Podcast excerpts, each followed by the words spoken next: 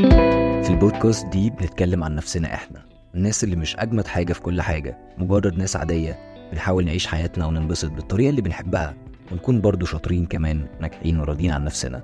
مش بالطريقة اللي دايما بيقولوا لنا إن ده صح دي القواعد اللي لازم تمشوا عليها عشان ما تبقوش منبوذين وسط المجتمع.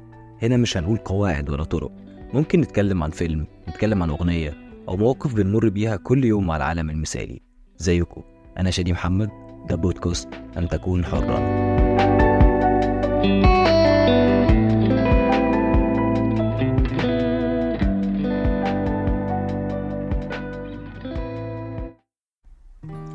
ازيكم دي تالت حلقة.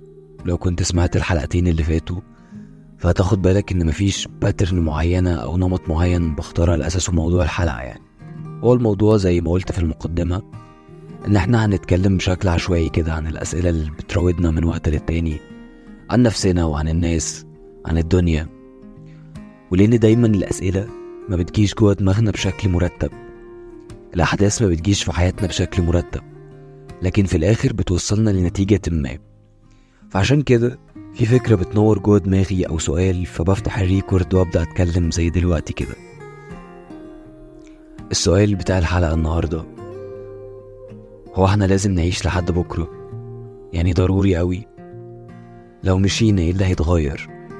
اهلنا هيزعلوا علينا شوية. يمكن شوية كتير. مش هيفضلوا يعيطوا طول العمر يعني. كل ده هينتهي وهيكملوا حياتهم. وهنفضل في بالهم ذكرى يفتكرونا كل فين وفين. صحابنا كمان مثلا هيعيطوا علينا شوية. هيحطوا صورتنا profile picture على فيسبوك ويمكن يمكن بعد شوية لو موضوع يتكلموا عنه كل فين وفين وهيجذب انتباه الناس قوي.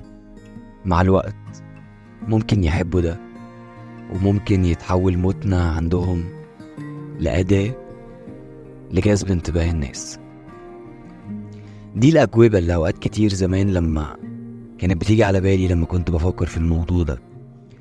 وكمان لأن الواحد كان طول الوقت وهو فاتح فيسبوك بيشوف ناس كتير بيودعوا ناس بيكتبوا عنهم كتير على الفيسبوك وبعد مدة بينسوا تماما وبيبدأوا يمارسوا حياتهم بشكل طبيعي. وده عادي مش حاجة تعبهم هم لازم يكملوا حياتهم أكيد. بس فجأة غصب عنك تبدأ تسأل نفسك السؤال ده هو أنا كمان لما أموت معقول صحابي دول اللي هم يمكن ما يقدروش يكملوا يوم أصلا من غير ما يكلموني؟ هيتخطوني بعد أسبوع عادي ويبدأوا يشوفوا الترند الجديد ويتكلموا عنه. ما أكيد اللي راحوا دول كان كان ليهم ناس برضو نفس الموضوع كده. بس بس هحكي لكم حاجة. وأنا طفل كنت بستنى يوم العيد ده من السنة للسنة عشان بس أروح أعيد على ستي وآخد منها العيدية. وإحنا أطفال كنا بنبقى مقسمين العيلة من الأقرب للأبعد نروح نعيد عليهم. غصب عني كنت لما بوصل عند ستي ما بكملش باقي الرحلة. بعتبر إن خلاص كده الرحلة انتهت العيد خلص وصلنا للي إحنا عاوزينه خلاص. مع إني ما كنتش ببقى لسه كملت المبلغ المطلوب عشان أشتري لعب كتير بس ما كنتش بهتم. العيدية بتاعت ستي ما كانتش بتبقى مبلغ كبير كان بيبقى مبلغ رمزي خالص. بس كنت بحس إن خلاص كده أنا أنا لميت العيدية خلاص. ست الله يرحمها كان الشخص الوحيد اللي ما كنتش بحس إنه بيقابل العيد بتوتر. كل الناس كنا بنخبط عليهم ندخل بيوتهم اللي هم أهالينا يعني. كل حاجة نظيفة آه ومترتبة وفي حلويات وفي كرم. بس في الأول وفي الآخر النظافة والكرم مش حاجة نحتفل بيهم يعني. المفروض دي تكون بديهيات في الأيام العادية. بس إضافة العيد اللي كانت بتبقى موجودة عند ستي هي إني من أول الشارع كنت بلاقي ملاك أبيض اسمه نجاة واقف في البلكونة مستني أحفاده بابتسامة واسعة وبكل حب وشغف وشوق وسعادة. كل ما أقرب كانت الابتسامة دي بتزيد وأدخل عليها وأنا بهرب من مشاعر الحب والسعادة وأتكلم بكل سماجة كده وأقول لها العيدية فين؟ أنا ما لاحظتش إن سعادتي عند ستي مش مرتبطة بالعيدية غير غير في آخر عيد تقضيه معانا. بعد ما خلاص التعب كان بدأ يتملك منها لكن برضه بكل صمود وشموخ وحب كانت واقفة في البلكونة بكل شوق وسعادة. قلت لها بنفس السماجة فين الهدية اتحرجت وقالت لي لسه ما فكتش فلوس بالليل خدها. وقتها أنا عيطت وحضنتها وقلت لها أنا أصلا مش عاوز هدية أنا بحبك أوي يا ست. لما ستي توفت كنت لسه طفل مش مستوعب معنى الموت. كان أول شخص أودعه في العيلة وبالصدفة اللي خلت الموضوع أقسى يعني إنها كانت أغلى وأحن وأقرب شخص. كنت حاسس زي ما ناس كتير لما بتودع حد قريب منها إن مستحيل حاجة زي كده هتحصل وإنها أكيد هتصحى تاني. لما دخلوني لما دخلوني أبص عليها بصة أخيرة لقيتها زي ما هي ويمكن أجمل. فعقلي رفض يصدق. ما هي قدامي ولسه جميلة. فعيطت بحرقة. قالوا لي وقتها إن العياط هيزعلها وهيضايقها وإني لو بطلت عياط هي هتكون مبسوطة. فوقفت عياط ومسحت دموعي وقعدت جنب الباب مؤدب كده عشان هي ما تسهلش مني وتصحى تاني. قعدت كتير مستني وكل الناس كانت بتعيط. أنا وقفت عياط عشان لما تصحى تكون فخورة بيا. بعد شوية قعدت أقول للناس اللي بتعيط يبطلوا عياط عشان ستي ما تتضايقش وإنها هتصحى تاني وكنت بطمنهم. فكانوا بيبصولي ويحضنوني ويعيطوا أكتر. عدى وقت فضلت فاكرها. استنيتها بعدها كتير. استنيت إن كل ده يطلع مقلب. عدى وقت أطول كبرت. وستي ما بتكبرش فضلت جميلة زي ما شفتها آخر مرة. مع الوقت بطلت أعيط وكملت حياتي وعشت.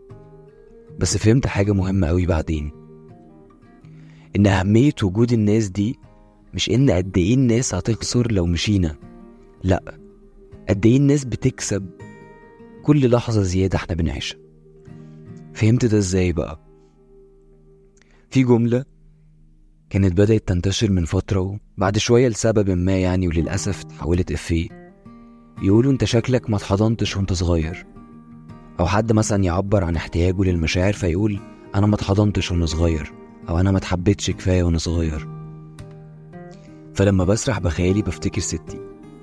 أكيد كان في ناس مهمين برضو مهمين قوي كمان.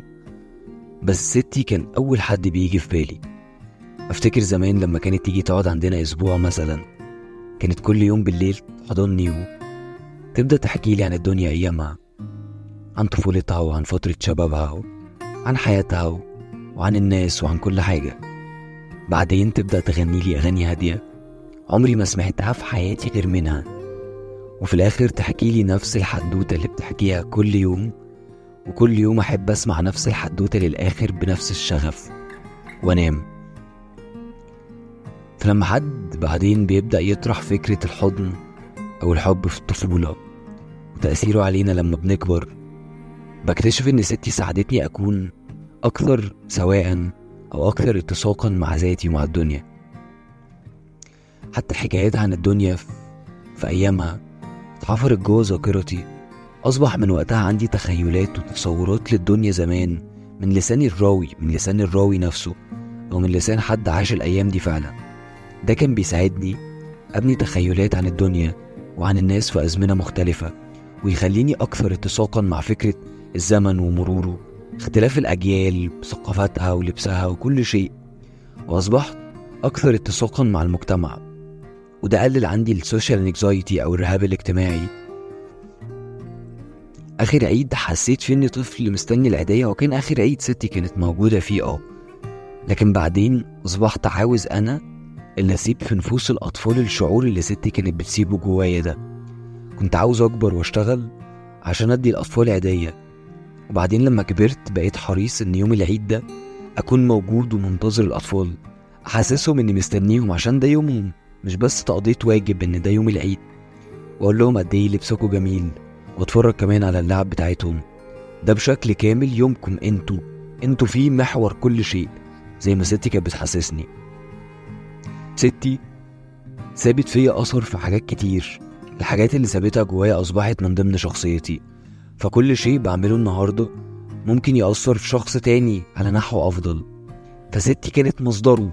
يعني مثلا أنا ممكن أسافر وأسيب أثر في بلد في حد في بلد تانية والأثر ده يغير حاجة في حياة الشخص ده بشكل ما.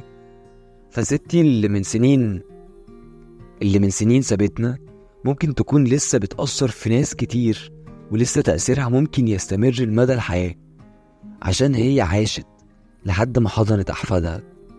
فعرفت إني لازم أعيش لحد بكرة. لازم أعيش كمان طول ما ربنا مديني فرصة أعيش. ممكن مثلا أكون بشتغل النهاردة وشغلي مش جايب لي لحد دلوقتي زي ما أنا بتمنى قوي بس اللي بيجيبهولي مثلا ممكن أنزل أشتري بيه حاجة من البقال اللي تحت البيت ويكون هو في اللحظة دي بالتحديد مستني أي فلوس عشان يدي لابنه مصروف مدرسته اللي الباص بتاعها يتحرك بعد دقيقتين. الولد ياخد مصروفه ويجيب لي البنت اللي بيحبها شوكولاتة. فتضحك له فالولد يفضل فاكر ذكرى الضحكة دي لحد ما يموت. وتكون الضحكة دي سبب في إن الولد يحب نفسه. يبقى عاوز يذاكر أكتر عشان يثبت للبنت دي إنه شاطر. بعدين تتوالى الأحداث والولد ده يعمل حاجة كبيرة قوي في الدنيا. أنا عارف إنك ممكن تقول إيه يا عم الخيال الواسع ده بس صدقني هو ده الواقع. كل لحظة بتعيشها بتأثر في كل حاجة حواليك. ضحكة بتضحكها لحد في الشارع خمسة جنيه زيادة بتديها للي بيقدم لك الكشري طبطبة على كتف صاحبك مسكة ايد حد كفيف وهو بيعدي الشارع. حتى البوست اللي بتكتبه على فيسبوك ممكن يتحفر في دماغ حد طول عمره. حتى لو محدش شاف البوست ده أصلا غير الشخص الوحيد ده. فأنت مش محتاج يكون عندك دوا- دوافع ضخمة عشان تعيش لحد بكرة. الدنيا هي اللي محتاجاك تعيش لحد بكرة. لأنك أنت بوجودك بس فيها أنت اللي بتخلق العالم تخلق تفاصيل كتير وكبيرة قوي ومهمة قوي كل يوم عشان أنت بس حي وبتتنفس.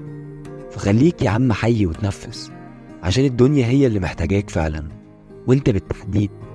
محتاجاك انت بالتحديد عشان انت انت فعلا آثر الفروشة.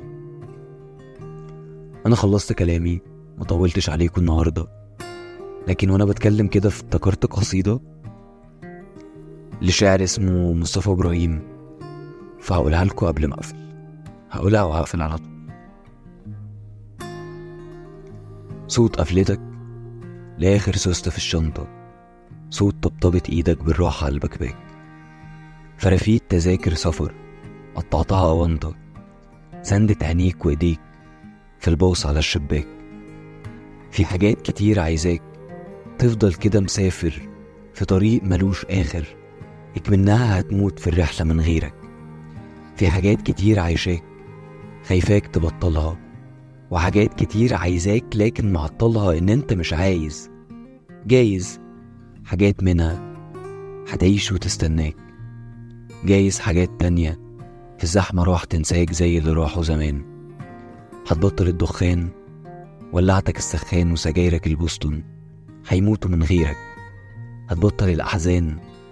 كشكولك المليان بقصايدك الجاية هيعيش لمين غيرك؟ جسمك حجز له مكان بالعافية جوه الكدر. ميت إيد على كتافك. ميت بص على وشك. كل الحاجات حواليك في الكدر سند عليك. لو جيت وشلت إيديك الصورة تتفركش. ضلك على الحيطة كان خافي عنها النور طلعها بتنغمش. كفك على السفرة من غيره كان إزاي؟ مفروش هيتكرمش. بصمة صباع إيدك لساها على الشبابيك. مية ألف تفصيلة ملهاش وجود غير بيك. وإنت عليك تختار هتبدي مين على مين؟ وتبدي إيه على إيه؟ الجاي والجايين ولا اللي خدت عليه؟ أصل الحياة للعلم ما فيهاش حاجات ببلاش وعشان ما تصبح فيلم أصلا عشان تتعاش كدر الحياة المشحون فرح وألم وشجون لازم يكون بيدور لازم يكون بيلف لازم يكون بيدور يتقل عليك ويخف ويعشمك بالنور في نهاية المشوار. وأنا قلبي لف ودار مية ألف ليل ونهار نفسه في فرحة كدوه وحلاوة من غير نور. وأما الزمن تعبه. قصقص شريط الفيلم. خد كدر كان عاجبه وقرر يعيش في الحلم. والحلم كان كامل جدا تمام خالص. ولأجل الكمال لله كل الحاجات جواه لكن في شيء ناقص. فاضي بشكل غريب. إيه اللي سبته هناك؟ فتلاقي في الكراكيب صورة القمر وياك متشالة في الكشكول. بصة في عينيك على طول وكأنها بتقول بالذمة مش وحشاك.